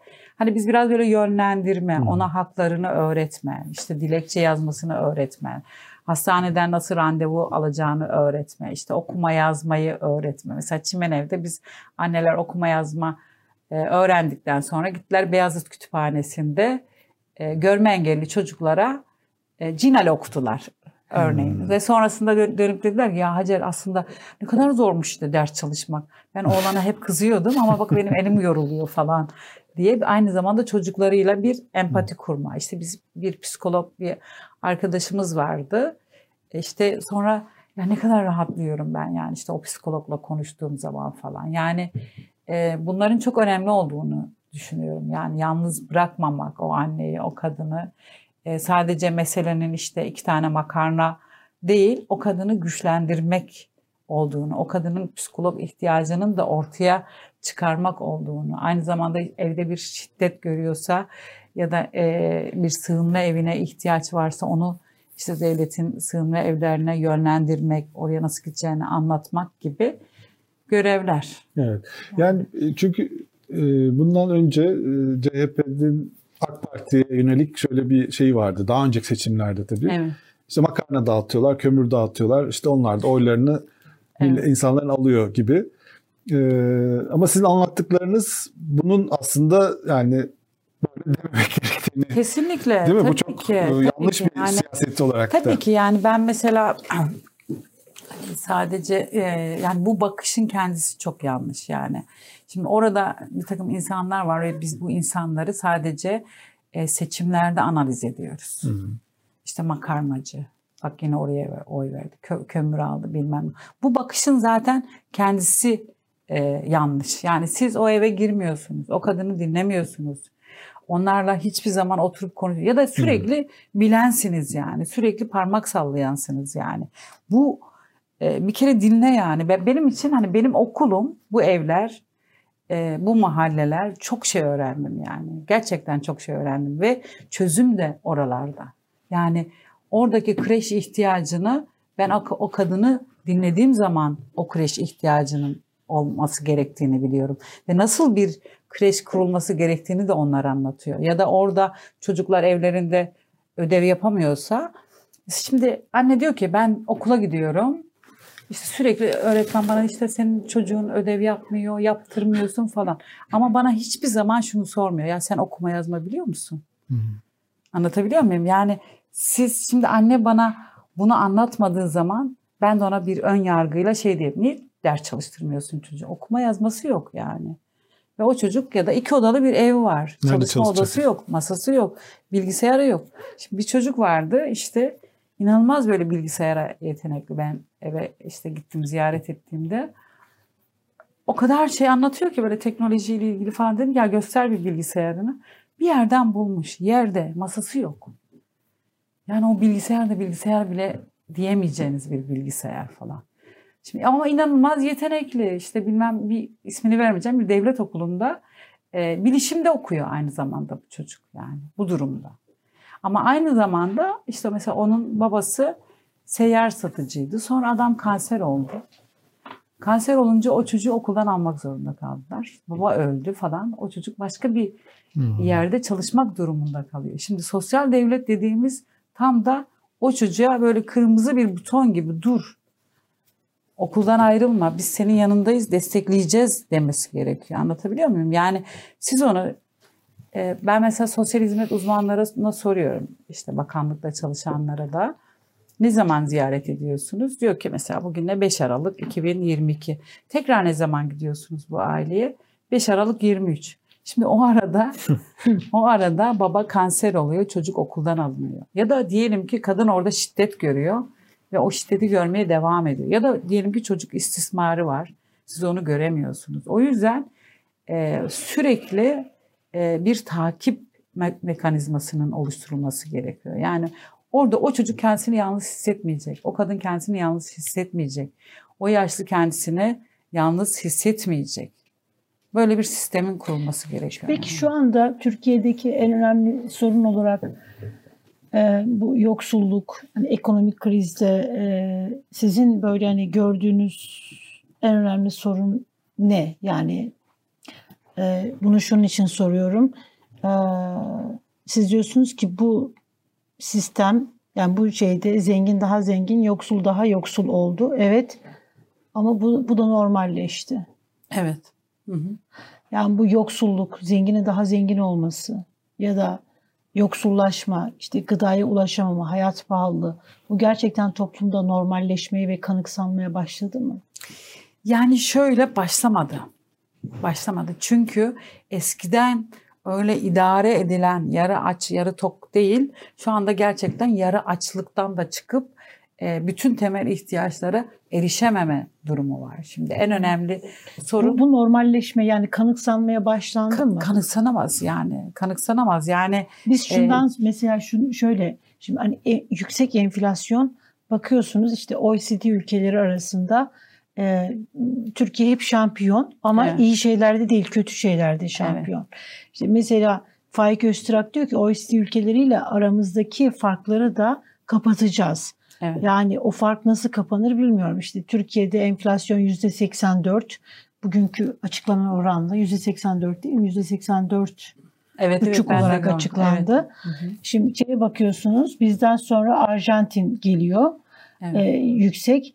Sonra o oran mesela yüzde 80 işte yüzde 84 Arjantin. Sonra bakıyorsunuz en yüksek mesela enflasyonu yüksek e, bir OECD ülkesi bakıyorsunuz yüzde 8 yüzde onlarda. Yani öyle bir şey var ki Hı hı. yani Türkiye ve Arjantin aslında OECD ülkelerinin enflasyon ortalamalarını yükseltiyor. Evet. Arjantin ve Türkiye olmasa o ortalama daha düşük olacak. Evet. Yani e, enflasyonda böyle ekono- e, şey, şeyde böyle hayat pahalılığında böyle. Fakat buna da sanki böyle alışmaya da başlandı. Yani ilk etapta ben şey hatırlıyorum yani bir yıl önce enflasyon böyle çat çat çat çıkarken bir şey infial vardı işte hayat pahalı marketler falan. Artık herkes böyle sanki kaderine böyle kabullenip sanki biz hep böyleymişiz gibi böyle bir şey de oluşma, hava böyle oluşmaya başladı gibi. Bilmiyorum siz buradan böyle görüyor olabilirsiniz ama o mahallelerde o durum bu durum böyle değil Değil aslında. bir, bir yani bir alışma yok gerçekten yani. Mesela et almıyorsa 6 ay yemediğin zaman şöyle düşünüyorsun yani Aa, bunu hep böyle yani aslında hani et almıyorduk ya da hani süt alınamıyordu filan gibi bir kanıksanma. Bir de kaderci bir toplumuz ya. Belki hani bundan dolayı da ben ben yani ben siz çok- ne görüyorsunuz Ben yani? çok ben çok öyle görmüyorum. Öyle mi? Yani görmüyorum çünkü her gün zaten konuşuyorum aile şeylerle, ailelerle. e, bir kere bir stres ve bir öfke var ve bu öfke bir büyüyor. Ama bu bu öfke büyüdükçe de bir baskı da var tabii ki. Yani e, bu ailelere yönelik bir baskı da var. Yani bu görünen bir baskı değil ama korkuyorlar da bir taraftan da. Yani konuşmaya korkuyorlar. İşte o yardımların işte Kesilmesinden korkuyorlar. Mesele bu yani. O yardımlar sürekli böyle bir şey gibi, sopa gibi gösteriyor. O yardımların iktidardan geldiğini Tabii düşünüyorlar. yani. Yani. AK Parti'den geldiğini düşünüyorlar. Öyle bir olduğu söyleniyor da. Tabii ki yani şöyle yani şimdi e, Bir taraftan da muhalefet de sanki gelecek ve o yardımları kesecek gibi. Çünkü kullandığı dil öyle. O sosyal yardım alanları aşağıladığı için muhalefet yok bence bence şu anda Değişiyor. öyle bir- değişiyor ama böyle bir şey vardı. yok, Bunlar bence- gelirse ben bu yardımı da alamayacağım gibi bir Bence şeydi. şu anda e, CHP'li belediyeler çok iyi çalışıyor. Gerçekten onu söyleyeyim ben size. Çünkü ben de eskiden eleştiriyordum ama şu anda inanılmaz çalışıyorlar bu mahallelerde. Hem bir taraftan gerçekten kadınlara güçlendirme, kreşler, e, bir taraftan o çocukların işte ders çal- çalışabilecekleri alanlar, bir taraftan böyle gençlere yönelik kamusal e, alanlar. İşte mesela Mersin Belediyesi'ne gittiğim zaman ilk kez gittim ben. Mesela üniversite önünde çocuklara, üniversite öğrencilere ne işte ücretsiz çorba dağıtılması. Mahallelerde, bütün yoksul mahallelerde 3,5 liraya 3 tane yemek verilmesi belli saatlerde düşünün. Yani sonuçta siz hani onurunuz da zedeleyecek bir şey değil parayla ama sağlıklı yemek alıyorsunuz. Mesela Beylikdüzü Belediyesi'nin günün üzerinde öğrenciye beslenme e, işte çantası yapması. Keşke bunu aslında devlet işbirliğiyle herkes e, yapabilse. E, yani böyle çok iyi e, Tepecik Belediyesi'nin mesela kağıt toplayıcılarıyla birlikte kooperatif kurması gibi bu güzel projelerin aslında yaygınlaşması gerekiyor. Yani o ön yargı bence tamamen yıkılmış durumda ve bunu da aslında insanlar görüyorlar, hissediyorlar. Ve Yani alışmıyorlar diyorsunuz. Tabii ki yani işte hamile annelere işte özel olarak süt dağıtılıyor. Mersin'de görmüştüm. Yok hayır yani hayat pahalılığına e, hayat pahalılığı ya da zenginin daha zengin, yoksulun daha yoksul olması ya da gıdaya erişim markete giriyor ama Ya böyle bir sadece şey alışmaları mümkün değil. Neden biliyor musunuz? Yani yani o kadar korkunç bir pahalılık var ki yani yani kira e, ücreti şu anda en iki odalı bir evde asgari ücretle aynı durumda. Şimdi siz buna nasıl alışabileceksiniz? Peki bu e, Yani Peki neden mesela bu kadar derin yoksulluk Durum iktidar oylarını yani seçmen davranışını etkilemez mi? etkiliyor. Yoksullaşma. Etkiliyor. Niye mesela anketlerde iktidar oyları bu kadar böyle hani daha son, dramatik? son anketlerde öyle olduğunu düşünmüyorum. Değişecek biliyorsunuz yani hani genel olarak bir şey var AK Parti'ye oy veririz zaten. Kesinlikle kes- kesinlikle değişecek yani. Kesinlikle değişecek. Yani bu böyle gitmez yani. Peki siz derin Evet. yoksulluğu bilen yani Türkiye'de işte yoksulluk, derin Yani yoksulluk idare edemiyor insanlar. dendiği idare zaman edecek sizin durum- adınız akla geliyor. Ben Hacer Evet. Fogo ismi akla geliyor. Çünkü yani bunu Ümit Özdağ'lı bu mesela derin yoksulluk çalışıyor. Evet. Siz öylesiniz. Şimdi mesela şu psikolojiyi ben çok anlayamam ama siz daha iyi. Mesela videolar var. Ee, çocuğuna bez alamıyor. Alamadı yani bez almaya ulaşamıyor. İşte kadın sepete ulaşamıyor. Ekmeğe ulaşamıyor. Ee, koca işsiz, hasta. Bütün hayat yani aslında hani neredeyse o, o şikayetleri dinlediğin zaman yaşanmaya değer hiçbir şey E, yok. Sosyal yardımlarla da artık idare İdare edemiyor. Fakat Evet. sonra mesela soruluyor peki kime oy vereceksin? 20 yıldır da yani bu iktidarda kork- 3 yıl önce sonra diyor ki hayır yok korku Evet. değil Hacer Evet. Hanım korkuyla değil büyük bir coşkunluk ve şeyle diyor ki tabii ki diyor iktidara AK hı. oy vereceğim diyor. Şimdi hani siz mesela e, bunu izlediğiniz zaman bu tür videoları gördüğünüz zaman siz ne hissediyorsunuz ve nasıl yorumluyorsunuz bunu? Yani ben mesela e, Bu psikoloji bence yani e, ben mesela şöyle diyorum diyorum ki ideoloji siyaseti yok, her şeye bence rağmen bence gerçekten altında bir korku da var. Yani bu şu. ama Yani korkuyu şu, yüzünde şunu söyleyeceğim ama şu. Yani AK Parti'yi sevebilir. Yani işte o bir noktaya kadar ben buraya kadar geldim. İşte elimde bu var ve bunu da kaybetmek istemiyorum. Korkusu da Ha, olabilir. anladım. Anlatabiliyor muyum? Yani e, bir de zaten yani hani şu şöyle de bakmamak lazım. Yani AK Partili evet AK Partili yani anlatabiliyor muyum? Ama bu sadece bu televizyondan izleyerek değil ama koskocaman mahallelerde e, hani gittikçe derinleşen bir yoksulluk var. Yani ben size şunu söylüyorum. Diyorum ki Türkiye'de bir araştırma yapılsın bugün. Özellikle yoksul mahallelerde ortaokuldan giden çıkan çocukları mesleki eğitim merkezlerine gönderiyorlar, yönlendiriliyorlar. Bunu okul yönlendiriyor, aile yönlendiriyor falan. Niye? O asgari ücretin üçte birini e, o çocuk orada çalışsın ve eve katkıda bulunsun diye. Yani bu derece bir e, derin yoksulluk var. Şeye de baktığınız zaman mesela uyuşturucu oranlarına baktığınız zaman işte okul terki yapmış çocuk liseyi de iyi terk etmiş ya da işte istismara uğramış ya da evdeki şiddetin falan çoğaldığını görüyorsunuz. Mesela antidepresanın ne kadar arttığını görüyorsunuz ama bundan işte ne bileyim Marketlerde satılır hale gelecek Heh, neredeyse. geldi yani. Şimdi Evet. böyle bir e, durum var. Yoksa işte televizyona çıkan işte bir tane insanın bir videoyu izleyerek biz aslında bütün Türkiye'nin bu durumunu değerlendirmeyiz. Diyelim ki herkes böyle düşünüyor. Ortada bir sorun var. Ortada bir derin yoksulluk var. Bizim yapmamız gereken şey bu korkuyu ortadan kaldırmak. Bu hiçbir partiye, buna Cumhuriyet Halk Partisi de dahil itaat, biat ilişkisi kuracak bir sistemi tamamen ortadan muhtaçlık sistemini tamamen ortadan kaldırmamız gerekiyor. İnsanlar iş istiyor. İş. Üretimin içerisine katılmak istiyor. Şöyle şeyler var. Mesela diyelim ki siz iş buldunuz insanlara değil mi? İş Evet. buldunuz ve bu sistemden çıkartacağız. Hayır çıkartmayacaksınız. O oraya en az bir yıl daha oraya gitmeli. Ne oluyor biliyor musunuz? Şimdi diyelim ki iş buldu adam. Tık sosyal yardımı kesiliyor. Bir ay sonra işten atılıyor. Tekrar o sosyal yardımlara başvurmak için 6 ay zaman geçiyor. O arada inanılmaz bir açlık. Böyle Peki bir şey ne olabilir mi? lazım? Böyle sorunlar var yani. Tabii tabii. Böyle sorunlar var. Yani Nasıl olması lazım peki oradaki? takip ta- takip yani. En önemli şey her ailenin takip edilmesi. Yani bu derin Hayır, yoksulluk. altı ay geçmesi lazım diyorsunuz yani. O, o İşte kesmememiz gerekiyor. Anladım, tamam. Güçlendirmemiz gerekiyor. Yani o çocuğu işe gidecek bir sistemi yaratmamamız gerekiyor. O anlamda takip. Ben şeyi sormak istiyorum size. Bu şimdi e, zincir marketler e, Evet. üzerine gidiliyor. Yani işte MHP başkanı işte çok sert bir şekilde değil. Bazen e, Erdoğan da Evet. açıklamalar yapıyor. Tam olarak bu zincir marketler dediğimiz zaman bu ucuz marketleri kastediyor. Bir sürü zincir market var da. Bunlar ne anlam ifade ediyor? Neden bunlarla uğraşılıyor sizce? Yani benim benim için şöyle yani ben mesela bu mahallelerde dolaştığım zaman Mersin'e de gideyim, Adana'ya da gideyim, İzmir'e de gideyim.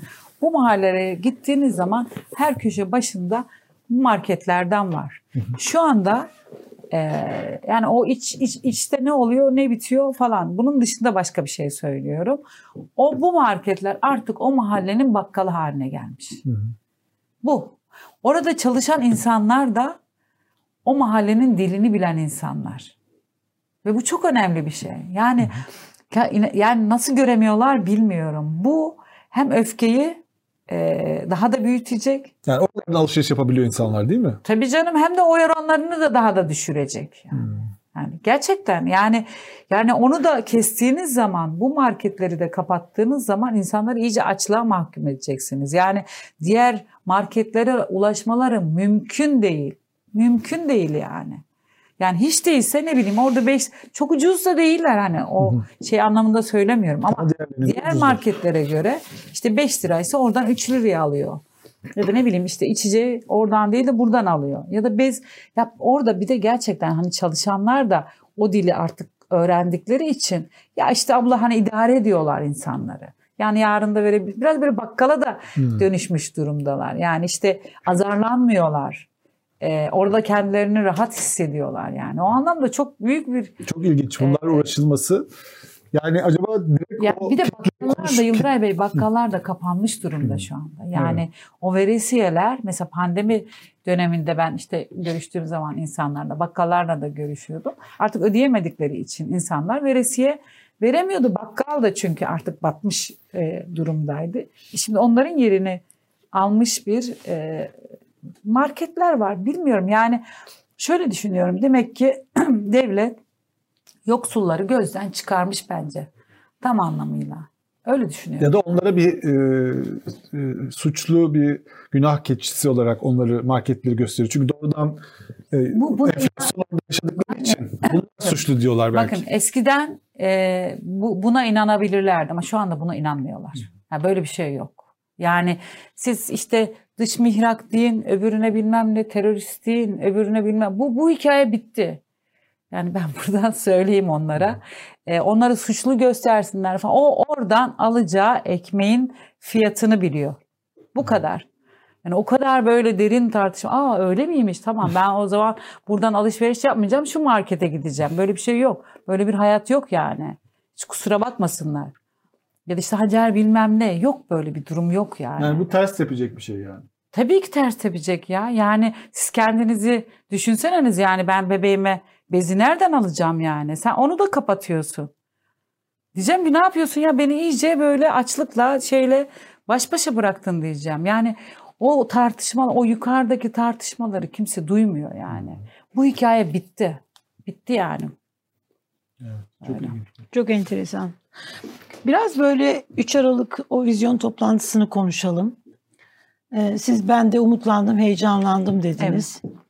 Ee, şimdi o toplantıya ilişkin hani bence çok ayıplı bir şey ama e, işte Jeremy Rifkin'in, Darun Acemoğlu'nun hatta Ankara'da Hakan Kara'nın bile İstanbul'a gelmemesi ve işte telefon yani Zoom bağlantılarıyla e, konuşmaları çok tartışıldı. Yani inansalardı gel- o toplantı salonuna bile gelmedi, gelmediler denildi. Bunu siz kendi içinizde e, tartıştınız mı? E, neden gelmediler ya da gelmemeleri normal mi? Buna bakmalı mıyız? Bence buna bakmamalıyız. Yani orada o insanların hepsi Bir organizasyon eksikliği değil mi ama yani bu? Bakılabilir mi organizasyon eksikliği? Yani e, sanmıyorum. Yani yani insan ya bu Aralık ayında işte belki olmasından da kaynaklı bir durum olabilir. Yani insanlar çok yoğun çalışıyorlar. Bir de şöyle de düşün. Yani işte internet çağı aslında bu yeni vizyonu, bu teknoloji çağını da aslında gösteren bir şey. Ama belki hani işte daha uzun konuşmalar olduğu işte insanlar sıkışmış ola, e, sıkılmış olabilir. Daha teknik şeyler sizin baştan söylediğiniz gibi e, işte sıkılmış olabilirler falan ama bir taraftan işte Selin Hanım'ın benim e, genel başkanımızın son yaptığı işte konuşma falan bence bütün bir tek orada Jeremy Rifkin'in konuşması. O işte hani e, evet daha- ekranlardan ama altyazıyla herkes e, dinledi ve anladı diye düşünüyorum Evet. yani. Orada bir sıkıntı yoktu. Yani ekranlardan izle. Yani şöyle Ama- düşünün. İnsanlar Yani- birazcık daha galiba şeyi bekliyor. Mesela şimdi siz diyorsunuz ya mesela e, sosyal yardım bütçesi işte üç katına çıkacak ama vatandaş birazcık daha şey bakıyor burada. İşte vatandaş mesela öyle bin bekliyor. lira alıyorsa Yeşil mesela Kemal Kılıçdaroğlu çıksa dese ki işte ey halkım sen bin lira alıyorsun bu bin lira senin neyine yetecek biz geleceğiz bunu üç bin lira yapacağız dediği zaman bu daha böyle çarpıcı ve daha kalıcı. Genel başkanımız bunu söyledi zaten. Hani gerçekten toparladı. Ama bir taraftan da şöyle düşünün. Yani bir taraftan da şimdi ben orada otursam Yeşil Enstitü'yü anlasa anlatamam öyle değil mi? Yani herkesin bir e, uzmanlık anlam şey var, alanı var. Ama ben mesela iklim krizi e, o kağıt toplayıcının işini tamamen ortadan kaldıracağını, bu sıfır atık denilen projenin aslında onu e, ne kadar sömürdüğünü anlatabilirim. Anlat, e, Doğa çok e, ilginç bu. Şey, Evet. Yani sıfır Ee, atık projesi aslında kağıt toplayıcıları bitirecek Tabii. bir şey. Tabii yani şey, hani benim anlatacağım şey benim gördüğüm, sokakta gördüğüm ve bunun sonucunu anlatmak. Ama bir taraftan da e, bu konusunda uzman olan insanlar da bunu anlatacak yani bu ek- ek- yani ekonomi nasıl olduğunu işte iklim krizinin nelere mal olduğunu yeşil enstitünün ne demek Dünya olduğunu bunu falan. tartışıyor aslında hani iklim Evet. krizi, tarım, kuraklık Evet. Ama başlayacak ben de ama, mesela diyorum ki ekonomistlere, diyorum ki ben ekonomist değilim ama diyorum ki siz ekonomi planını insan hakları temelli yapmalısınız. Hak temelli bir ekonomiye bizim artık ihtiyacımız var. Yani birilerinin sadece zenginleşeceği ve birilerinin de gittikçe yoksulaş, yoksulaşacağı, işte açlıkla baş başa kalacağı bir sistem değil. Siz har, harcadığınız her şeyde. iklim krizi ise yoksulları da düşünün. Çünkü mesela Dünya Bankası'nın e, son yaptığı araştırmada diyor ki 250 bin ekstra ölüm olacak. Ve sonrasında diyor ki bu 250 bin ekstra ölüm yoksullar. Anlatabiliyor muyum? Şimdi biz de Türkiye'de iklim krizini tartışırken o mahallelerdeki durumu da ne olacak? İşte meslek bitiyor. İşte diyelim ki sel baskınıyla birlikte işte tarım tamamen ortadan kalkacak. İşte güneş enerjisini işte çiftçilerle falan nasıl tartışacak? Bunları yani bizim hani o gözle hak temel, insan hakları temelli bir e, ekonominin aslında tartışılması Evet. gerekiyor. Bir de e, bu yoksulluk, e, derin yoksulluğun belki en alt tabakasında yer alan bir mülteciler var. Evet. Yani bu da e, siz herhalde sahada artık onları da görüyorsunuz. Tabii. E, onların durumu nedir? Onlarla ilgili ne yapılabilir yani? Yani şöyle şu anda gönderme projesi yani dışında yani ne zaman gönderilecekse işte yani o, o zamana kadar gerçekten hani mülteciler de derin yoksulluk yaşayan benim gördüğüm, bildiğim yani Türkiye'nin her yanında e, böyle bir durum var. Mesela Avrupa Birliği projelerinin de e, ben çok doğru e, kullanıldığını da düşünmüyorum. Yani mesela işte ya orada da bir ikiyüzlük var. Ben sana para vereyim yani Gelme. gelmesin ama işte istediğim kadar şey yap. Ya da Dünya Gıda Örgütü mesela işte e, beslenme çantalarını işte Suriyelilere işte harcıyor falan. Ama böyle hani şey bir ön yargıyla işte onlar yiyorlar, içiyorlar, çok rahatlar. Böyle bir durum yok. Ama tabii ki e, zaten zengin olanlar e, evet, işte iş yeri açar ama inanılmaz bir derin yoksulluk var. Gelişim bozukluğu olan çocuklar var. E, suça sürüklenen çocuklar var. Yalnız yaşayan e, çocuklar var. Biraz çocuk diye hep konuşuyorum çünkü çocuklar gerçekten e, çocuk yoksulluğunu önlediğimiz zaman e, Türkiye'deki yoksulluğu tamamen ortadan kaldırabiliriz. Yani bu Suriyeli çocuk olabilir, Afgan çocuk olabilir, Türk çocuk olabilir, Kürt çocuk olabilir. Ama meseleye bu yoksulluğa biraz çocuklar açısından e, bakmak gerektiğini düşünüyorum yani. Bir şey sormak istiyorum. Şimdi bu bunun tabii Diyorsunuz. derin yoksa Zor sormayın. Soru sormayın. zor sormayın. Ha, zor sormayın. Yok. Zor soru değil aslında. Gayet soru çok basit de kimse cevaplamak istemiyor. Ee, o, o gün şimdi e, 3 Aralık toplantısı, vizyon toplantısı iktidar kanadı şey diye de algıladı. Biraz böyle CHP kanadında da bu böyle söylendi. Kemal Bey'in o günkü konuşma e, biçimi, kullandığı işte hani daha çok ben dili, e, bu yola çıktık bir daha hani geri dönmeyiz gibi hani buna benzer. Tam cümlesi cümlesine böyle değil ama e, o gün o toplantıda aslında aynı zamanda Cumhurbaşkanı adaylığını da açıklamış mı oldu? Bir kez daha böyle ben yani ben öyle düşünmüyorum yani bana. Siz ne düşündünüz? Yani, öyle tabii, algıladınız Ben şöyle düşündüm. Ben dedim ki yani e, Sayın Genel Başkanımızın o son konuşması yani bütün konuşulan orada konuşulan herkesin. E, değinerek, altılı masaya da değinerek. Çünkü dedi e, ki bakın bugün bu sahneden ana muhalefet partisinin genel başkan olarak seslenmiyorum. Kuracağımız sistemin büyük güç birliğinin bir parçası olarak sesleniyorum dedi ama evet. hani bir altılı masaya da şeyi var fakat oradaki o ben işte hani kullandığı şeyler. Ama, ama orada ben Siz mesela yani, böyle orada anladığım şey şu. Yani bu meselelerin hepsi bugün burada konuşulan bütün meselelerin e, hepsi siyaset üstü bir mesele. Evet. Yoksulluk, ekonomi, önümüzdeki dönem e, başka bir yere doğru gidiyoruz. Bunun farkında mısınız? Bu sadece CHP'nin meselesi değil, hepimizin evet. meselesi. Yani benim anladığım şey bu ve bu dil bence çok doğru bir dildi. Ben de mesela bazen işte diyorum ki hani önergeyi niye reddediyorsunuz? Yani sizin işte AK Partili olmanızın bir şeyi yok ya çocuklar aç.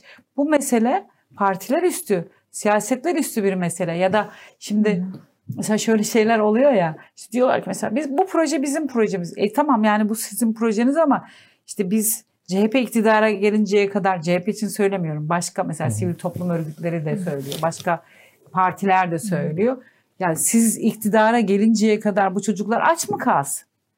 O yüzden diyorum ki yani Sayın Bakan Sağlık Bakanlığı, Milli Eğitim Bakanlığı bir an önce yarın bu çocuklara bu yemek gitsin. Yani bu okullardaki Şimdi, çocukların aç kalması meselesi bu yani evet, çok ciddi yani, mesele yani. Evet Bunu yani yoksulluk da öyle. Yani şu andaki ekonomik durum da öyle. Biraz e, şey genel başkanımızın seslen yani bu meselelerin hepsi aslında herkesi kapsayan. Yani e, AK Partili olanı da e, başka partili olanı ya, ya da ne bileyim işte hiç oy vermek istemeyen insanları da e, da bir çağrı aslında bu çağrı. Yani hepimizin sorunu.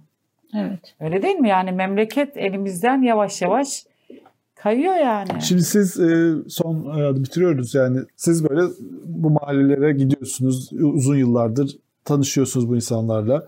E, CHP'yi bu mahallelere de sokabiliyor musunuz? Yani siz yeni CHP'ye katıldınız. Hani CHP'liler de bu mahallelere çünkü çok uzak kaldıkları yerler aslında biraz da e, girecekler mi? Yani girecekler mi değil oradalar. Oradalar. Oradalar yani. Oradalar. Yani e, yani ben Diyarbakır'a da gittim. İşte Adana'ya da gittim, İzmir'e de gittim, Mersin'e de gittim. Nasıl karşılanıyor CHP? Yani bir ön yargı Ee, var mı? Yok tam tersine e, inanılmaz bir sevgi ve AK Parti'nin kalesi olan şehirler empati var. Mersin Ee, tamam mesela Van. Van'da yani Van'da da inanılmaz yani hani e, arkadaşlarımızın girmediği bir mahalle yok Mesela Diyarbakır'da. Erzurum'da nasıl? Kurdunuz değil mi? Diyelim ki Urfa'da nasıl? Yani ben değil yani CHP'nin kendi zaten örgütü Hı hı. e, çalışıyorlar zaten. İşte Çalışıyorlar. İstanbul'da öbek çalışması var. E, yine işte Kılıçdaroğlu gönüllüleri çalışıyor. CHP il ilçe örgütleri çalışıyor. Biz çalışıyoruz yani. E, herkes çalışıyor. Yani. AK Parti'nin mesela kalesi olan Belediyelerimiz çok iyi çalışıyor aynı zamanda söylediğim gibi. şehirlerde nasıl ya da İstanbul'da diyelim Beşiktaş, Kadıköy tamam orada zaten CHP var ama Bağcılar'da, Esenler'de, buralarda, Fatih'te mesela Çalışıyorlar. Yani çalışıyorlar hem örgüt Yaklaşım nasıl peki o ön, e, yani şey ya da şey e, karşıtlık? yani bir e, Mesela şöyle var mı? Siz yardım götürüyorsunuz, belediye yardım. Ben CHP'den gelen yardım işte yiyecek paketini istemiyorum. Kabul etmeyenler var mı? Yani ben ben tanık olmadım ama mesela işte eee, AK Parti'den gelen arkadaşlara karşı böyle bir tepkinin olduğunu biliyorum. Evet. Duydum da. Eee, yani şu ama mesele, mesele sadece yardım ya da erzak götürmek değil. E, başka bir şey yaşanıyor yani şu anda.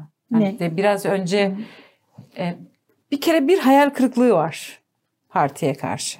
AK Parti'ye karşı. İnanılmaz bir hayal kırıklığı var. Yalnız bırakıldıklarını düşünüyorlar. Ee, mesela pandemi döneminde bir umut vardı. Yani Hı hı. pandemi bitecek ve biz tekrar hayatımıza döneceğiz diye. Mesela bu O da bitti. dönülmedi ve tam tersine iyice derinleşti yoksullar. Mesela o dönemde Cumhurbaşkanı'nın talimatıyla işte e, bankalardan kredi verilsin demişti ve gerçekten işte insanlar gidip koşu koşu çok kolay yani normalde alamayacağınız işte 5 lira, 5 bin lira, 10 bin lira kredi. Şu anda o evlere icra geliyor. Yani ben de bir sürü işte avukatla görüşüyorum. Yani işte adam e, günlük güvencesi çalışan bir işte ayda 250 TL'yi ödeyemiyor. Yani ve bunun için kurulmuş böyle avukatlar hani avukata düşmüş, icraya düşmüş gidiyorlar, geliyorlar falan. Ben en az böyle 5-10 tane ailenin için avukatlarla görüştüm. Diyorum ki ne alacaksınız oradan? Yani iki tane kırık şey var, çe- çekyat var. Gidiyor, geliyor ya da kapıyı kapatıyor, gelmesin diyor falan. Ama düşünün ayda 250 lirayı ödeyemeyecek e, durumda insanlar. Şimdi siz bir taraftan e, bunu o, o dönemde hadi iyi geldi insanlara ama sonrasını düşünemiyorsunuz. O yüzden hep şey söylüyorum. Yani bir şey yapıyorsunuz ama onu siz izlemiyorsunuz. Memleketin sorunu bu. Bu meselede. İzleme yok. Takip yok. Ben bir şey yapayım aa, ne kadar güzel. Şimdi bu market sorunu gibi. Kapat. E ne olacak? Düşünsene ne yapacaklar bu insanlar? Nereye gidecek? Nasıl alışveriş yapacaklar? O zaman diyorsunuz ki ya da kredi aldı. E sonrasında ne olacak? Nasıl ödeyecek? Düşünmüyorsunuz. Yani onu o dönemde Evet. hibe olarak vermeniz gerekiyordu onlara. Yani geri ödemesiz vermeniz gerekiyordu. Yani insanlar açlıktan e, açlık durumundaydı yani o pandemi döneminde özellikle günlük güvencesi çalışanlar. Evet. Öyle. Çok teşekkür ediyoruz. Ben teşekkür Evet. ederim. Çok kolaylıklar Ee, aynı zamanda Çok size. kolaylıklar. Sağ olun. Çok, Çok sağ olun. teşekkürler. İyi çalışmalar diliyoruz. olun. İnşallah gerçekten yoksulluğun bittiği, yani evet kökten bitemez belki ama Yoksulluğun önlendiği, önlendiği, Aynı e, zamanda zenginin daha zengin, yoksulun daha yoksul olmadığı bir Türkiye. evet, Ya ve bu ülkenin artık kaderi değişsin. Yani gerçekten değişsin. bu ülkede bir şeyler böyle hani tarih hep tekerrür ediyor ama tarih e, ders alınmadığı zaman tekerrür ediyor. Tarihten ders aldığımız zaman tarih bizler için de bizim ülkemiz için de çocuklar- tekerrür etmekten Çocuklar artık yiyecek düşünmesin çıkar. ya. Evet. Çocuklar Çok- teknolojiyi düşünsün. Evet. Çocuklar başka bir şey e, Evet. tatile gitsinler yani. Evet. Böyle bir dünya olsun artık değil mi? İnşallah. Teşekkür ederim. İnşallah. Sağ olun. Çok teşekkürler, çok sağ olun. Bugün evet programımızın sonuna geldik. Ee, bir karar ver yayınında CHP Yoksulluk Dayanışma Ofisi Koordinatörü Sayın Hacer Fogo'yu ağırladık. Yarın biz Yıldıray'la yine sizlerin karşısında olacağız bir karar ver programıyla. Program konuğumuz Gelecek Partisi Genel Başkan Yardımcısı e, ve ülkemizin saygın anayasa hukukçularından Profesör Doktor Serap Yazıcı hocamız bizlerle birlikte olacak. Yarın görüşünceye kadar kendinize iyi bakınız.